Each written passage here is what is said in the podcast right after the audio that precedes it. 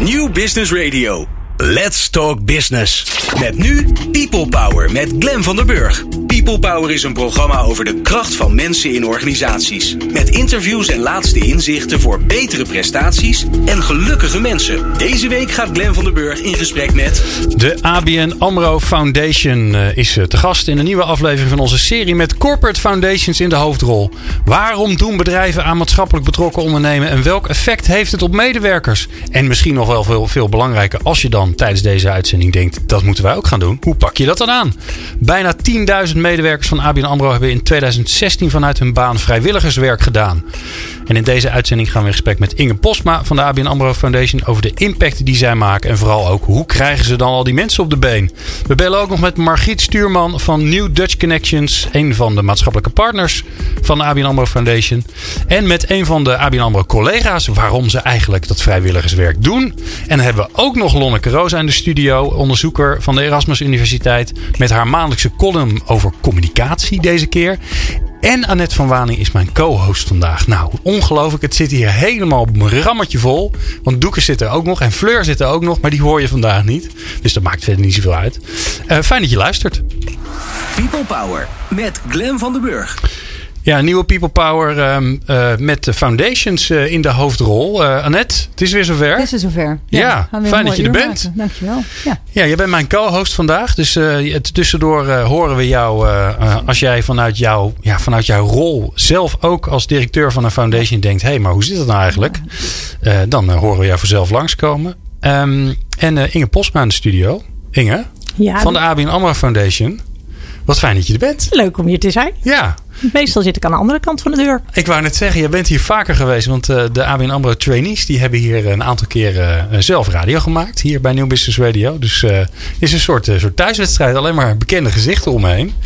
Um, um, Inge, laten we maar eens even beginnen bij, bij het begin. Wat willen jullie met de ABN AMRO Foundation bereiken?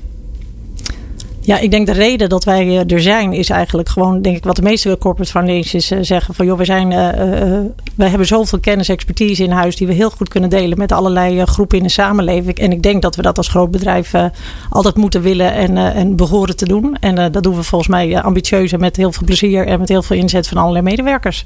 Ja, dus het delen van de, van, ja. Ja, van de kennis. Maar is het dan ook echt gericht op die, op die deelnemers? Want we hebben hier ook andere foundations in de studio gehad. Die zeiden nou, we hebben een heel mooi doel en dan stellen we vooral geld ter beschikking. Maar dat doen jullie dus anders? Ja, dat doen wij zeker anders. Wat wij doen is, wij zeggen wij hebben 20.000 medewerkers. En die mensen kunnen heel goed hun kennis en expertise, uh, netwerk eventueel delen.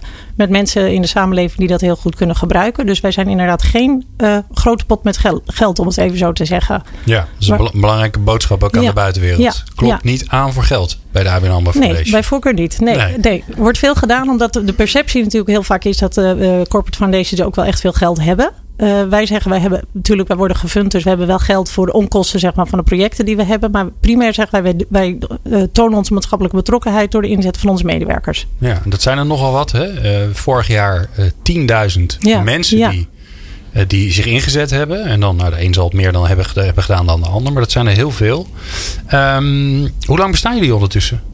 Ja, dat heb ik natuurlijk even nagevraagd voordat ik naar de studio kwam.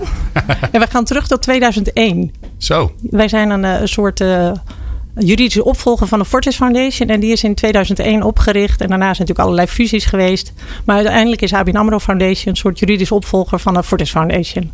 Okay. Dus, dus, wij doen het uh, 16 jaar. Ja, dan heeft de fusie tenminste nog tot iets goeds geleid, hè, zou je kunnen zeggen. In ieder geval tot dit goede tot ding. Ja, tot een hele mooie foundation. Um, um, hoe, waar komt de financiering vandaan? Hebben jullie daar een soort standaard afspraak over met, uh, met ABN AMRO zelf? Ja, wij worden gefund door ABN AMRO zelf. Maar wij hebben wel een ambi-status. Dat is denk ik wel goed om uh, te vermelden. Ik weet niet of elke corporate foundation dat heeft. Uh, ambi-status is de algemeen nut beogende instellingen status. Aan, ja, ja, terminologie. Uh, en dat betekent eigenlijk dat wij ons echt moeten richten op de maatschappelijke impact. Uh, je kunt je voorstellen dat wij bij een bank, dat bij ons uh, bankieren ook uh, geloof ik duizend goede doelen. Dus je kunt je voorstellen dat wij voor al die goede doelen ook iets leuks zouden kunnen doen. Maar juist omdat we een ambi-status hebben, zeggen wij nee, wij richten ons echt op die dingen die maatschappelijk relevant zijn. En dat hoeft niet per se bij een van onze klanten te zijn. Ja. En wat willen jullie dan bereiken? Want ik kan me voorstellen dat. We hebben bijvoorbeeld de Alliander Foundation gehad. En die zeiden van nou, ons, ons belangrijkste doel is dat medewerkers betrokken zijn bij de maatschappij. Punt. En wat ze doen maakt dat niet uit. Hoe zit dat bij jullie? Uh, ja, ik denk dat als ik eerlijk ben, zitten we een beetje in een transitie. Zijn wij misschien ook ooit wel, zeker in 2001, heel erg begonnen met: uh, weet je, laat maar zien hoe betrokken je bent. En dat kon van alles zijn. Dus dat wij stimuleerden eigenlijk dat mensen nou ja, zich bewust waren van de maatschappij om zich heen. En dat we de laatste jaren steeds meer kijken naar waar zit dan eigenlijk de impact die we kunnen maken. Dus wij proberen wel te focussen meer en meer op datgene waar we impact kunnen hebben. En uh, daarbij kijken we wat past dan bij ons als bank. Wat hebben wij dan als expertise in huis die we heel goed kunnen inzetten. Dus meer en meer richten wij ons op uh, het ontdekken en het ontwikkelen van talenten. Bij vooral kinderen in achterstandswijken. Omdat wij zien dat het niet voor iedereen vanzelfsprekend is dat je aangesproken wordt op de talenten die je hebt. En wij denken wel dat het belangrijk is om in ieder geval te weten wat je kunt en wat je leuk vindt. Om daarna goede keuzes te maken om iets van je leven te kunnen maken. En als je, je zegt inderdaad, hè, van mijn, mijn vraag was van hoe maak je nou keuzes? Hè? Wat, wat ondersteun je nou in zo'n uh, maatschappelijk relevant uh, veld? Um, hoe, hoe maak je nou uh, de keus in welk type organisatie je wil steunen? Want de kinderen in achterstandswijken is nog eigenlijk heel erg breed. Ja. Maak je daar dan een keuze in voor een type organisatie of is het dan wat, wat de medewerker aandraagt? Nee, wij, wij proberen, uh, wij doen eigenlijk beide. Dus wij proberen heel erg uh, wel uh, vanuit de centrale organisatie, dus echt vanuit de foundation, samenwerking aan te gaan met partijen die bijvoorbeeld in heel veel steden bepaalde projecten aan kunnen bieden.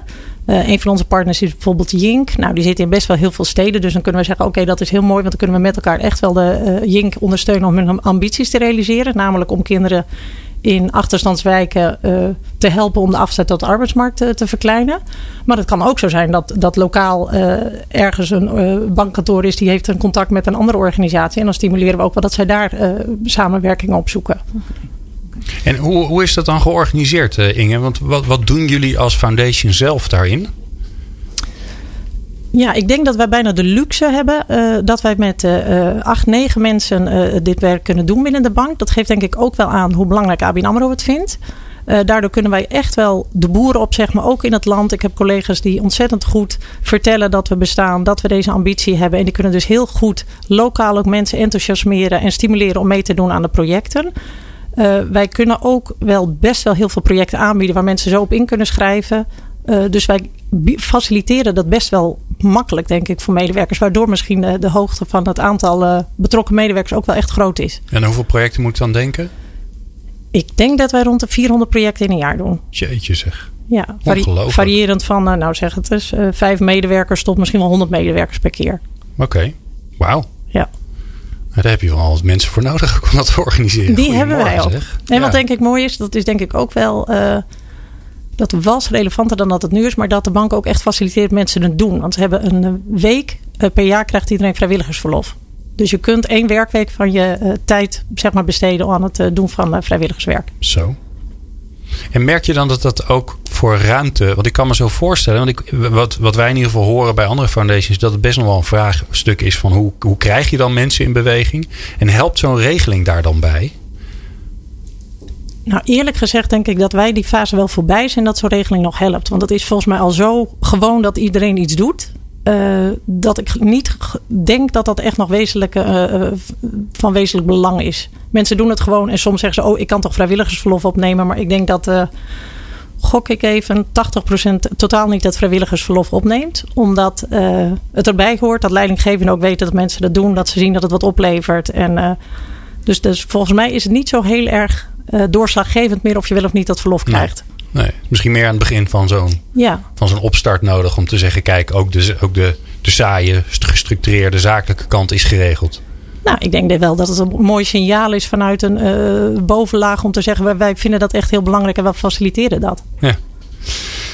Hey, um, ik, ik kan me voorstellen dat je als organisatie, als foundation, enorm, uh, enorm trots bent op wat je doet. Maar daarover communiceren is best nog wel lastig. Wij hebben ze hier natuurlijk in de studio. Dus wij hebben de luxe dat we met al die leuke foundations kunnen praten.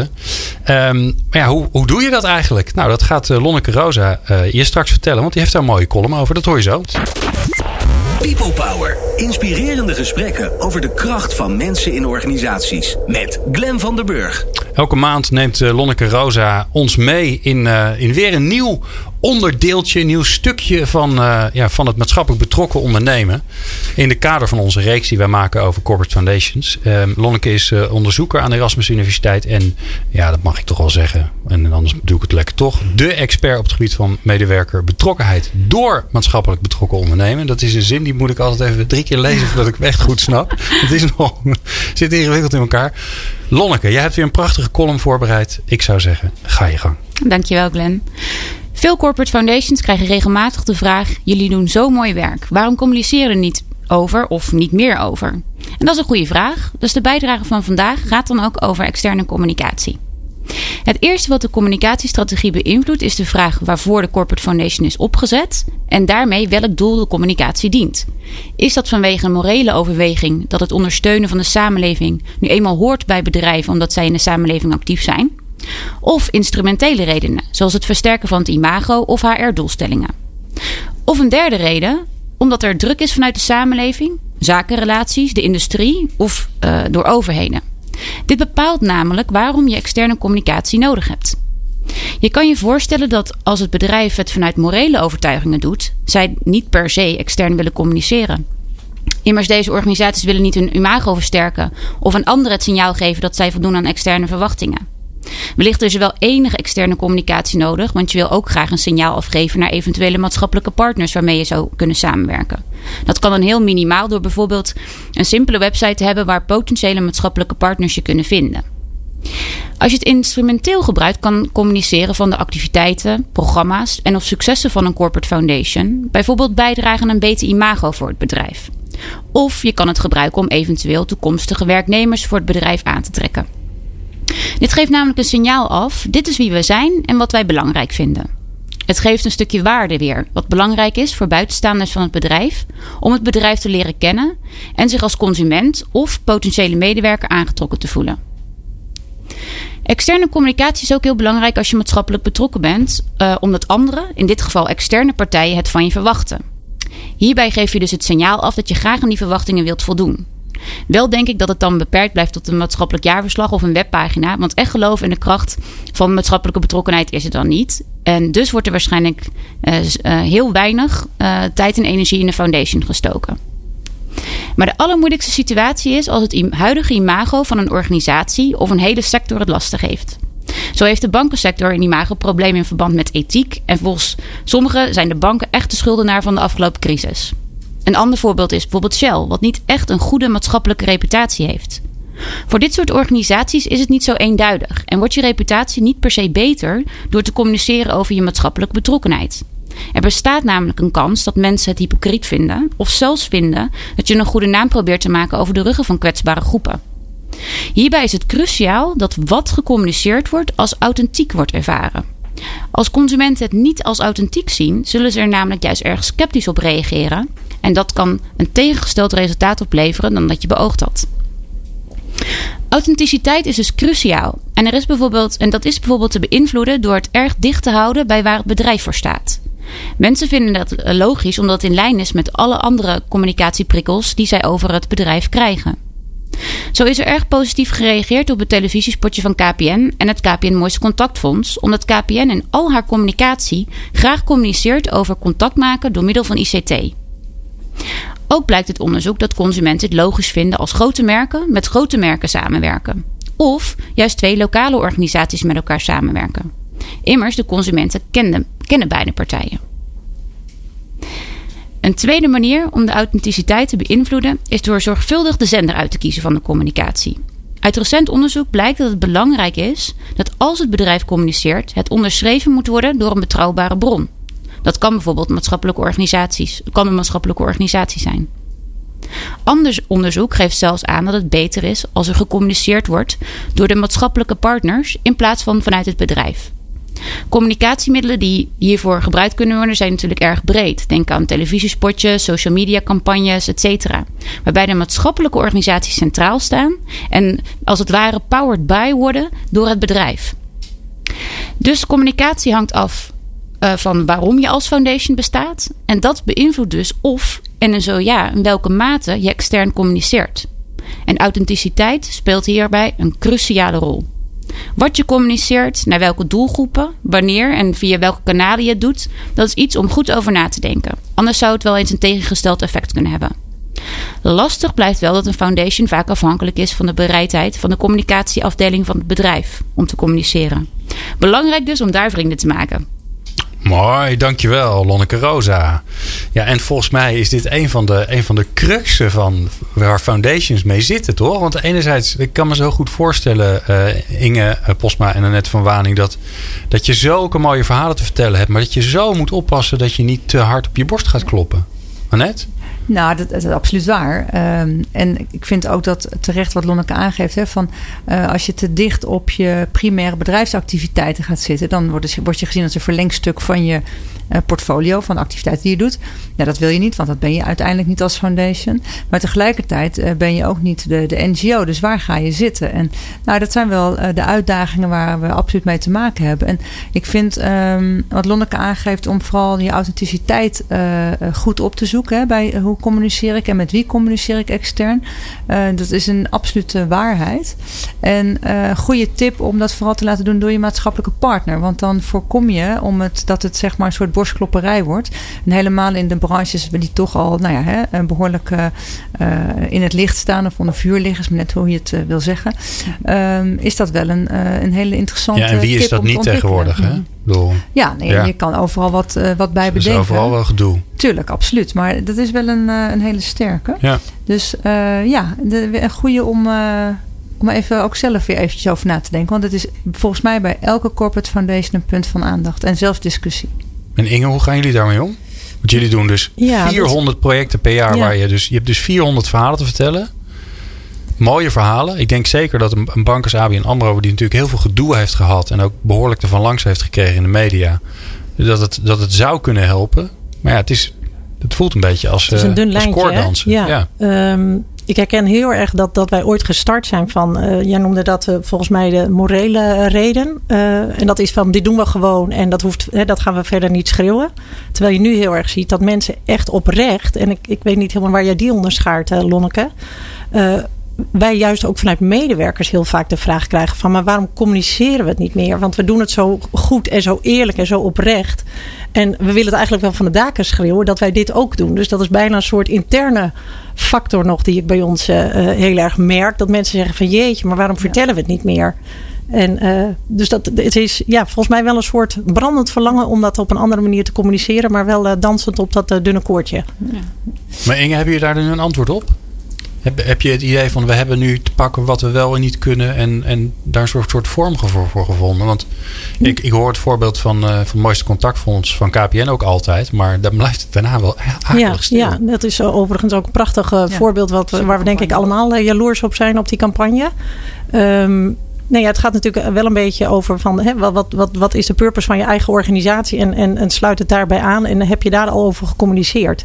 Uh, dus uh, laat ik daarover zeggen dat wij daar wel uh, hard mee bezig zijn om dat ook beter te gaan doen en, en, en goed en logisch op elkaar te laten aansluiten. Ja, en Lotteke, zeg jij bij twijfel niet inhalen, bij twijfel maar even niet communiceren? Ja, ik denk ook dat je eerst een, een goede case moet bouwen voordat je überhaupt communiceert. Anders wordt het ook zo'n lege huls natuurlijk. Dus ik zou eerst uh, een, een, aantal jaar gewoon een goed programma neerzetten. Het een aantal keer doen.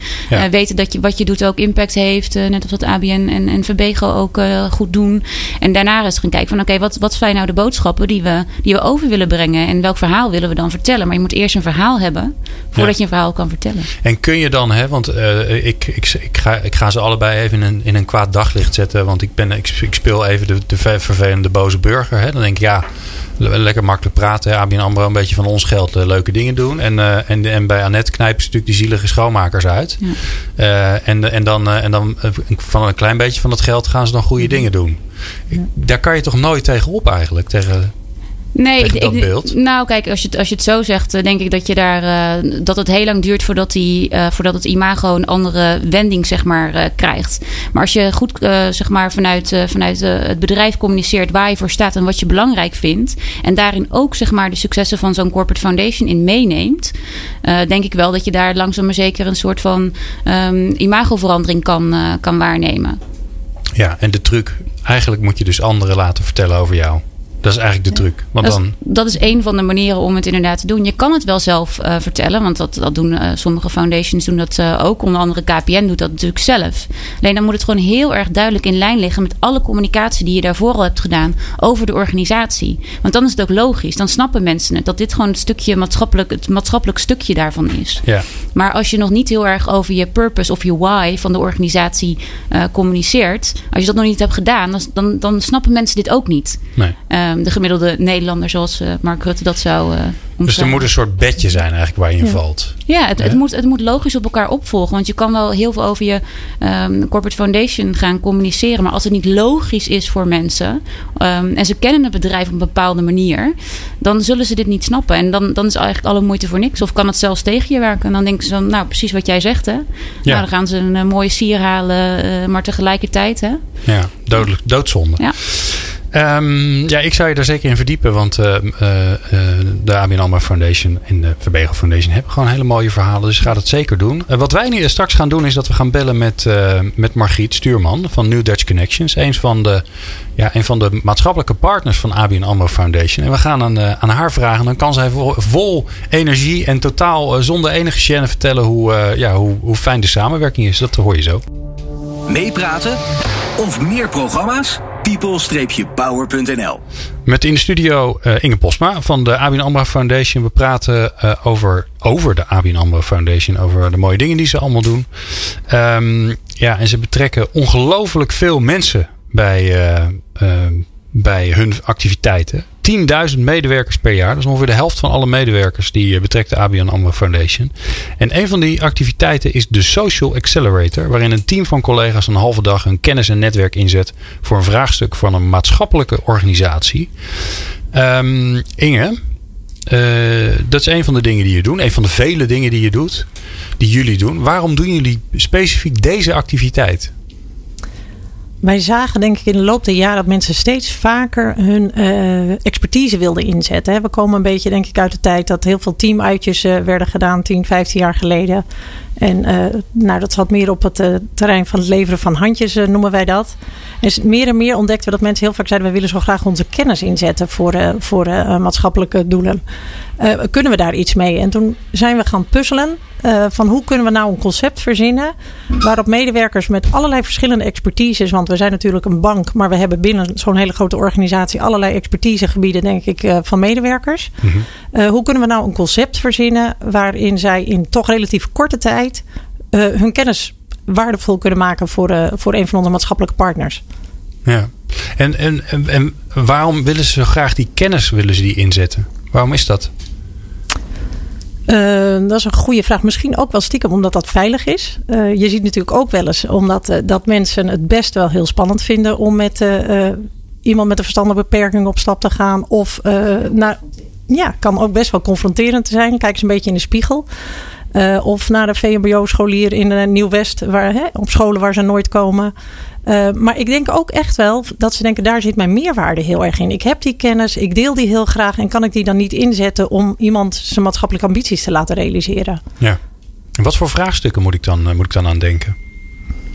Ja, die zijn tot nu toe heel divers geweest. Wat we doen is, wij vragen onze maatschappelijke partners, dus wel echt partners waarvan we zeggen, daar hebben we een warme relatie mee. Uh, die bellen we en dan zeggen we, joh, hebben jullie toevallig een, een, een verlangend stukje op de plank ligt waar je niet aan toe komt, waarvan je het leuk vindt dat de collega's een keertje meedenken.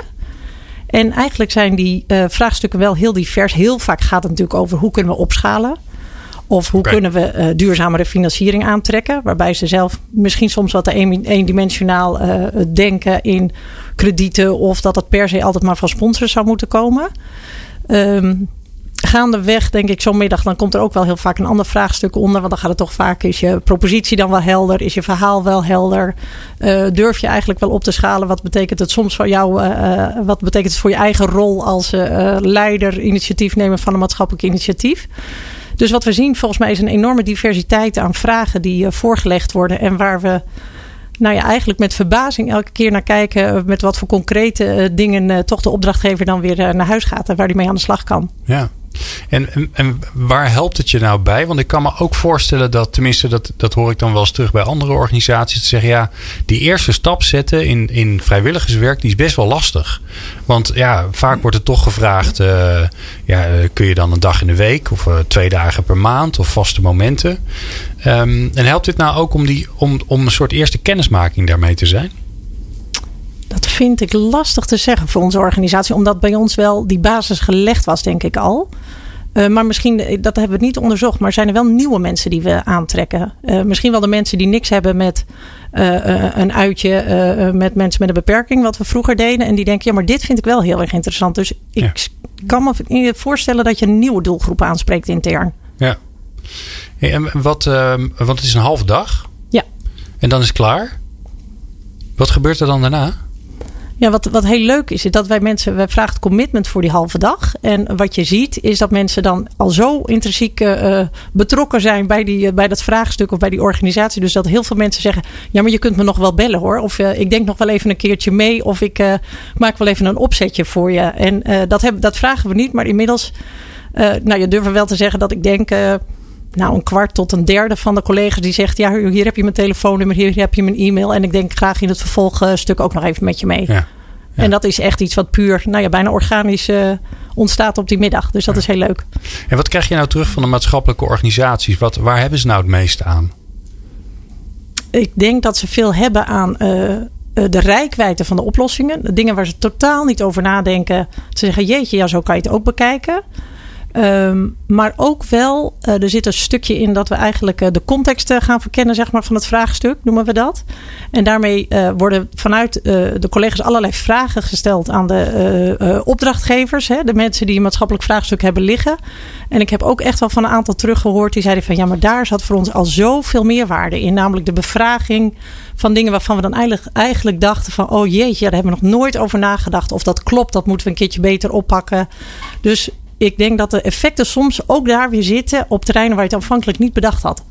En um, is het nou zo dat je met een maatschappelijke organisatie één keer zo'n social accelerator doet? Of, of kun je dat meerdere keren met dezelfde uh, maatschappelijke organisatie partner doen? Want ja, als je zo schetst van er komen vraagstukken voorbij en je zet mensen aan het denken, dan kan ik me ook nog wel voorstellen dat ze denken: God, ik wil nog wel een tweede of misschien wel een derde keer.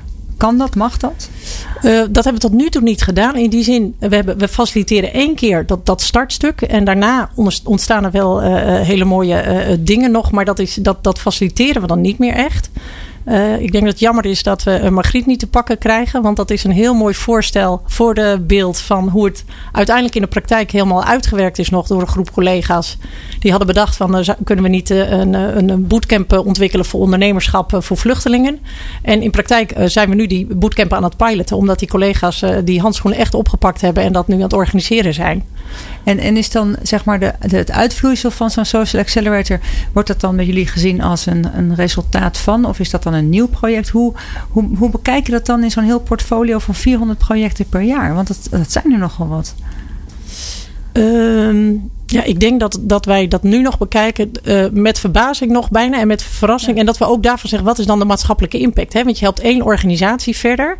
Ja. Ik uh, interpreteer het zelf wel als, het, volgens mij is het een soort multiplier, multiplier effect wat we creëren. Je helpt één organisatie verder, maar omdat je die helpt om bepaalde stappen te zetten, kan het best zo zijn dat zij in hun ambities uh, geholpen worden om, weet ik veel, 300 extra vlucht, vluchtelingen te kunnen helpen. Nou, maar dan uiteindelijk gaat het in dat geval dan over dat je hebt direct impact op uh, je maatschappelijke partner en indirect op de, uh, de, de profijtgroep waar zij hun werk voor doen. Ja. Dus in dit geval die vluchtelingen. Ja. Dus daarmee krijg je een prachtig uh, impactmodel als je het op die manier ja. in elkaar zet. Dat is wel interessant. Annette zet even een impactmodel voor je in elkaar, Inge. Dankjewel, ja. Annette. Daar is ze van. Daar is ze van. Dat doen we even. Ja. Hey, als je nou, um, Inge, als je nou zou moeten, want dit is maar één van de dingen die jullie doen, hè? kun je nog, kun je nog een, een schets geven van een ander groot uh, want ik neem aan dat je niet 400 allemaal verschillende projecten doet, maar van een andere grote brok van die 400 wat jullie doen. Ja, dat kan ik zeker. Uh, wat wij proberen te doen, wat we nog niet uh, genoemd hebben hier, is om ook zoveel mogelijk samen te werken met onze collega's van de sponsorafdeling. Je kunt je voorstellen dat uh, sponsoring van oudsher bij die banken ook uh, een beetje in een andere hoek zat dan de maatschappelijke sponsoring. En je ziet dat meer en meer ook daar een soort heroriëntatie is op maatschappelijke sponsorships. En we proberen heel erg de combi te zoeken tussen foundation en sponsoring. Van hoe kunnen we dan enerzijds misschien door echt te sponsoren of een partnership aan te gaan, hè, waarbij dan ook wel geld gemoeid is. Hoe kunnen we dat nog verder versterken door ook te kijken of we echt de inzet van medewerkers kunnen gebruiken om een maatschappelijke organisatie daar weer verder te helpen. Um, ik denk een goed voorbeeld is deze week is de Dutch Design Week in uh, Eindhoven. Daar zijn wij als ABN AMRO uh, hoofdsponsor van. En um, wij zien bijvoorbeeld dat er heel veel designers zijn, afgestudeerd er wel, die ontzettend uh, talentvol zijn in het designen, maar die ondernemerschap een beetje lastiger vinden. En daar hebben we bijvoorbeeld een tien maanden lange masterclass voor opgezet met allerlei kennisworkshops. Uh, van hoe word je dan naast designer ook nog ondernemer? Want het is toch ook fijn dat je gewoon je geld ermee kunt verdienen. En dan hebben we bijvoorbeeld via de foundation zoeken we coaches die tien maanden lang die uh, talentvolle designers helpen in hun ondernemerschap. Nou, dat is ook een voorbeeld waar we volgens mij heel mooi samenkomen met we zetten onze kennis in, maar we koppelen het ook nog aan onze maatschappelijke sponsoring. Mooi, ja, heel mooi. Um, nou, ik ben wel heel benieuwd hoe. Uh, want we hebben het tijd over die, over die enorme groep van 10.000 medewerkers die elk jaar iets doet. In ieder geval in 2016 hebben ze dat gedaan. En sommigen meer dan één keer. Um, ik ben wel heel benieuwd uh, ja, wat zij er zelf van vinden. Dus we gaan zo bellen met uh, Zeynep Benjek, Senior Project Manager Culture and Change ABN Amro Private Banking International. Zo, pak aan. En dat past allemaal op het kaartje. En die, die, die hoor je zo. People Power met Glen van den Burg. Meer luisteren? people-power.nl We praten vandaag uh, over de ABN AMRO Foundation. En we praten ook met de ABN AMRO Foundation. Want in de studio is Inge Postma. En we hebben uh, Zeynep Benjek aan de, aan de lijn. Um, want uh, zij is, uh, ik had het net al even de hele functie uitgesproken. Ik ga het gewoon nog een keer doen, want het is gewoon een uitdaging voor mezelf. Senior Project Manager Culture and Change bij ABN AMRO Private Banking International. Zo, heb ik het goed, gezegd, goed aangekondigd, Zeynep? Helemaal hoor. Ja. Jeetje zeg, dat het op je kaartje past hele mond vol. Ja, ik heb geen kaartjes. Oh ja, dat, dat, dat, dachten wij al. Dat is ook ouderwets natuurlijk. Hè? hey, uh, Zeynep, jij hebt um, uh, meegedaan aan de Social Accelerator met uh, je collega's voor New Dutch Connections. Een, een maatschappelijke partner van, van de ABN AMRO Foundation. Hoe heb je dat ervaren? Hoe heb ik dat ervaren? Ja, vanuit medewerkerperspectief heel positief. Om uh, nou ja, gewoon heel motiverend uh, om een, deel te nemen aan, aan zoiets. gewoon om bij te dragen, maar ook gewoon energie te krijgen van, van je collega's die veel ideeën hebben. op een andere manier omgaan in ieder geval met. nou ja, hè, ook in je werk met talent, ontwikkeling en de anderen ook op weg helpen of bijdragen daarin. Heb je, nou, heb je nou talenten van je collega's gezien die je niet eerder op een andere manier hebt gezien? Want ik, kan me voorstellen dat zo'n nieuwe context ook zorgt dat mensen weer ja, nieuwe dingen, nieuwe mogelijkheden laten zien. Uh, ja, natuurlijk. Ja, je, je ziet uh, in het dagelijkse werk zie je niet altijd hoe uh, nee, creatief mensen zijn of hoe innovatief mensen zijn met, met hun ideeën. Maar nou ja, dat, dat komt in zo'n in zo'n traject komt dat wel naar voren. Uh, maar ook de, nou ja, dat, dat er oprechte interesse is in uh, een andere cultuur beter leren kennen. Dus die dingen, je hebt, daar heb je niet iedere dag dagelijks uh, mee te maken. dus ja, uiteraard zie je dan heel veel talenten ook van, van je collega's naar voren komen. Die, die je voorheen misschien wat minder goed, goed zag. Ja, en hoe, hoe zaten jullie bij elkaar? Schets eens even hoe het eruit zag al daar toen jullie de Social Accelerator deden. Uh, wij hebben meerdere momenten gehad toen we de Social Accelerator hadden. Ja, dat heette bij ons Brains for Charity. Uh, dat was een grote, nou ja, een grote zaal met alle collega's van de afdeling. die aan ronde tafeltjes zaten. En waarbij Bright, Richard, nou ja, ons eigenlijk een soort energizer gaf. op een hele leuke, ontwapenende manier. Ehm, wat hij wel vaker ook, ook doet, dat hij mensen laat dansen en eigenlijk de dans doorgeeft uh, van, hè, in een groep dat je dat aan elkaar doorgeeft. Dus iedereen werd echt wel uit de comfortzone gehaald en moest meedansen. Jullie hebben uh, staan dansen? Wij hebben staan dansen als, uh, als ABN AMRO mensen. Ja, superleuk. Ja, hoe, met hoeveel waren jullie? om en nabij denk ik 40 man. Oké, okay, dus er stonden 40, ja. 40 man te dansen. In pak met das om? Ja hoor, iedereen gewoon in, in werkkleding. En dat was het op data nemen ontzettend leuk. Het gaf heel Oh, veel energie om iedereen toch een beetje uit die comfortzone te halen. En, eh, nou ja, en, en, en nou Bright eh, Richard heeft ons eh, meegenomen in zijn eigen levensverhaal. Wat nou ja, aangrijpend en inspirerend is, maar ook gelijk het vlammetje doorgegeven om nou iets bij te dragen op een andere manier naar mensen te kijken. En daar zijn dus uit, uit die hele Brains for Charity event zijn heel veel ideeën naar voren gekomen. Eh, in groepjes. Men heeft dat aan elkaar eh, eh, laten zien. En uiteindelijk zijn de beste ideeën eigenlijk gekozen vanuit de New Dutch Connections om daar opvolging aan te geven en- door te ontwikkelen. Oké, en is dat ook gebeurd? Dat is ook gebeurd. Dus het is niet gebleven bij één event, gelukkig. Ja. Maar daar is dus echt een heel ontwikkeltraject nagekomen, waarbij er een, trainingsbootcamp is ontwikkeld voor eh, nou ja, jonge asielzoekers die eh, graag het ondernemerschap in willen in Nederland, eh, maar eigenlijk totaal niet wegwijs zijn hoe ze dingen moeten aanpakken. En daar heeft een, een klein groep van, van collega's heeft daar A, een heel trainingsprogramma voor opgebouwd en ontwikkeld, maar ook uiteindelijk gefaciliteerd. Dus we hebben echt modules aangeboden aan, nou ja, aan, jonge asielzoekers die graag iets willen ondernemen in Nederland. Ja. En, hoe vind jij het dat eh, de ABN Foundation projecten zoals deze aanbiedt aan haar medewerkers? Eh, niet meer dan logisch en ontzettend goed dat we het doen. Dus eh, ik zou echt willen dat we dit eh, veel, meer, veel meer doen. Iedereen die nu nee, in deze tijd, vooral ook jonge medewerkers, zijn echt heel erg op zoek naar hoe kan ik meer nou, zingeving, maar ook hoe kan ik mijn maatschappelijke betrokkenheid vergroten. En eh, dit soort projecten, eh, ja, die zijn gewoon heel eh, ja, geven gewoon aan, heel goed gevoel aan de medewerkerkant. En B, je kunt echt dus vanuit je expertise ook echt hè, meer brengen dan alleen maar met je werk bezig zijn. Ook naar andere doelgroepen. En dat brengt nou ja, heel veel energie met zich mee aan beide kanten. Je leert er ook letterlijk zelf ook heel veel van in, het, in het hele traject. Het is niet alleen maar iets brengen, maar het is ook. Nou, je bent niet eh, normaal gesproken direct in contact met die doelgroep. Eh, dus je leert daar altijd zelf ook heel veel van. Eh, En, en noem eens één ding waarvan je zegt van nou weet je, dat, dat doe ik nu echt anders of dat heb ik echt geleerd.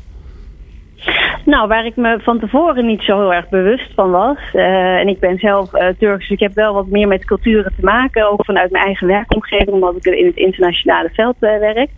Eh, maar waar ik me wel bewuster van ben geworden, is dat eh, ja, eh, ondernemerschap in Nederland is ook gewoon heel veel eh, regels, heel veel administratie. Ja.